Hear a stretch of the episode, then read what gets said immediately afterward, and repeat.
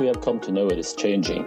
Some of the core principles of the rules based liberal international order are being challenged by states such as China and Russia.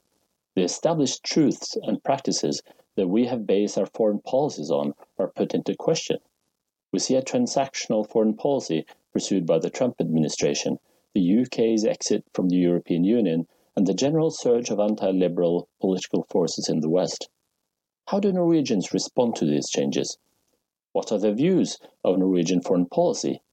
What do they fear? Who should we turn to? Just before the corona crisis hit Norway, NUPI conducted an opinion poll in the Norwegian population asking about foreign and security policy. The answers we got tell the story of a people adapting reluctantly to international change. My name is Åsmund Weltzien, and I'm here today with NUPI researcher Øyvind Svendsen. Øyvind is a research fellow and a member of the research group for global order and diplomacy at NUPI. He is also a PhD fellow at the University of Copenhagen, and he has a master's degree in international relations theory from the London School of Economics. Hi, Øyvind. Hi. So, in your analysis of the survey results, you write that it seems like Norway is reluctantly stumbling into global change. What do you mean by that? Well, it's usually considered that a small state like Norway can't really change the course of global politics, but we are living in a time where, where things seems to be shifting. So Norway has been, you know, uh, fairly well uh, built into the liberal international order, which has been led by the United States. But we also see, you know, especially China emerging as a, as a real great power competitor to the US. So Norway has to, to adapt to that in some sense. And so one of our main examples of this is in the relationship with China. Uh, and thinking about the Nobel Peace Prize in 2010, Norway awarded that to to the Chinese human rights activist and dissident uh, Liu Xiaobo, which which you know. Um, uh, caused upheaval and great anger in China, and it actually uh, contributed to a frozen of the relationship between Norway and China, which came a great cost for Norway because of because of our exports, especially of fish to China. So then Norway had to balance. Okay, we have liberal values on the one hand and our defense of of um, human rights on the global stage, but at the same time we see emerging powers that are not so much concerned with these liberal values, but we still need to trade with them and have relationships with them. So these are the kind of dilemmas that we think about uh, that Norway has to adapt to in in light of the changing international uh, order. Exactly. So, so our sort of democratic liberal island in the West is, is shrinking because uh, other powers are, are seeing the world in a different way. So, but how do these tendencies and dilemmas materialize in the survey? Well, there is still an overarching sentiment in the Norwegian population that uh, you know we should champion the multilateral order, we should cooperate with our Western partners, and there is a bit more skepticism towards cooperation with Russia and China. What has changed, of course, though, in in the last years is the, the kind of threat assessments that say that people make, and uh, you know, uh, go 30 years back in time, people were worried about military conflict in the in in our near areas, especially maybe in the high north with Russia, but today what we see is is more concern for for new kind of security threats um, that we need to to you know work together with other countries to solve. And in our survey, that is the pro- the two most important concerns that people have in Norway. One is um, cyber attacks from from foreign countries, which probably is related to Russia in the Norwegian context. Um, and the second one is actually climate change, where where our respondents uh, have a, well, I think almost half of our respondents say that it's one of the two most important security threats facing Norway, and and people reply that we need to cooperate with other countries in solving this problem, and actually we see a shift towards cooperating with European countries on this issue. Exactly. But uh, so, but, but uh, how about epidemics? And uh, we're, we're we're in the middle of the Corona crisis now. Uh, how how is that viewed? Well, we did ask about epidemics, and this was in February, so before the, the, the global outbreak of the pandemic, the COVID 19 pandemic. And uh, interestingly, it's actually the threat that we asked concretely about that the least people were worried about. So, so you know, I guess we can say that the Norwegian population miscalculated, uh, you know, uh, pandemics in their threat assessment. it, it's probably changed quite a bit now, but but but do you think the Corona crisis uh, changes things to the, to agree the, the, to the degree that, that we cannot trust the the survey results? I don't think so. I think I think you know uh, COVID nineteen still you know uh, carries on the uncertainty about the changing global order, and we don't know yet how how the coronavirus is, is going to change you know great power politics and competition in the world. But I think still the other answers and the questions that really are important to Norwegian population when it comes to foreign policy, they won't go away. So I think some of this, these uh, findings in the survey still are very relevant.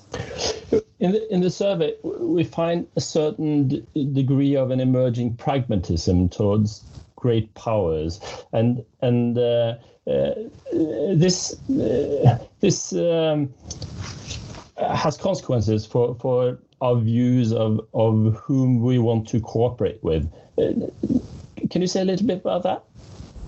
Yeah, I think you know we've analysed this in light of the changing global order, which is one that is very much characterized by competition between the United States and China. That is, you know, the macro image of world politics. And what we see in our survey data is that the Norwegians are maybe a bit wary of this and just shying away from both of them. So there is a slight trend here, and, and we don't know for, for sure why, but there is a bit of a decline in support for cooperation with the US. So still support for NATO is very strong, uh, but we've asked, for instance, people about whether Norway and European countries should, should spend more money on defense and security in order to, to be less dependent on the US. And there seems to be a, a tendency that that's what Norwegians want. And then also there is then much more support actually for cooperation with European partners. So we've asked about United Kingdom, we've asked about France and Germany, and all of these countries. We find that Norwegians want to cooperate more uh, on security with. So so maybe there is you know, a, a slight shift towards Europe in our data. And that, uh, uh, and then you come to the eternal paradox, of course, that we, we support multilateralism, yes, the, the UN, NATO, uh, we're friendly towards our European partners, but we would we don't we do not want to become members of the EU. No, and I think you know we're talking about changes in the Norwegian opinion here. I think they're uh, in light of the global changes. I still think they're minor. They're adjustments, and uh, and when the Norwegians are champions of the multilateral order, uh, defending the status quo, that would also be Norway as a non-member of the European Union. So we've we've asked the questions that are asked again and again about the Norwegian relationship with the EU, and and for the time being, support is still very strong for the um, for the EEA agreement, which is the current setup. But there is not much support for joining the European Union. And then when we ask the hypothetical question, what uh, would you do? What should Norway do if the EEA agreement were to cease to exist? Then there is actually quite a strong support for a for a weaker uh, agreement with the European Union. So very much an, an ambivalent relationship with the EU still, despite an uh, you know an expressed interest in security cooperation with Europe and the EU. Exactly, but does Brexit change our view of Europe in any way? I think uh, one thing that's interesting when we ask about Brexit is that Norwegians are very honest about their uncertainty. So a lot of respondents, you know, just are very uh, honest and, and choosing the option to say very that they are very uncertain about what the consequences of Brexit will be for, for cooperation in Europe. But in general, we find that Norwegians would like to see Brexit cause as little upheaval as possible in cooperation in Europe, and that you know, despite Brexit, that Europe and Europeans can still uh, you know cooperate on foreign policy. Exactly. So we're we're longing for for a status quo uh, in many respects, and and and of course the one big global power that is challenging this status quo is China, and China is uh, in many ways our biggest concern uh, on on the geopolitical stage. Why is that? Well, I think China, as an emerging great power, is one of the c- countries, right, that is not on board with all aspects and of this uh, liberal international order. So, uh, for instance, especially when it comes to sovereignty and the ways in which states can actually interfere in other states' businesses, we know that China is very much opposed to that. So, I guess it is, you know, broadly speaking, there is an ideological. Um, competition in the US China competition that Norway has to position itself against. So um, with China emerging as a as a you know stronger force in world politics, that causes a lot of dilemmas for Norway, and, and that's that's what you know the, the Liu Xiaobo example and the Nobel Peace Prize that we opened with sort of exemplifies for Norway. Exactly, and and uh, how's this uh, concern expressed in the survey data? Well, China is uh, the country that we've asked about uh, in terms of cooperation that Norwegians want Norway to cooperate uh, less with. So there is not a lot of people that want Norway to cooperate more with China. And then also we asked some questions about economics and, and Chinese investments. We all know the debates about uh, you know 5G and Huawei and all these.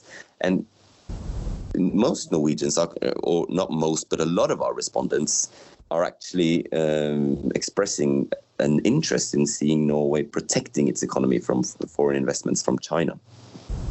Exactly. This is this is rather paradoxical, though, considering our our view of multilateralism and our, our, foreign policy principles, uh, wouldn't you say? Yes, and that's that's exactly the dilemma that Norway has to deal with in the shifting global order, because you know. Norway is a champion of the liberal international order, but that means having an open economy that is, you know, open to trade with all countries, equal equality of opportunity, and and all that.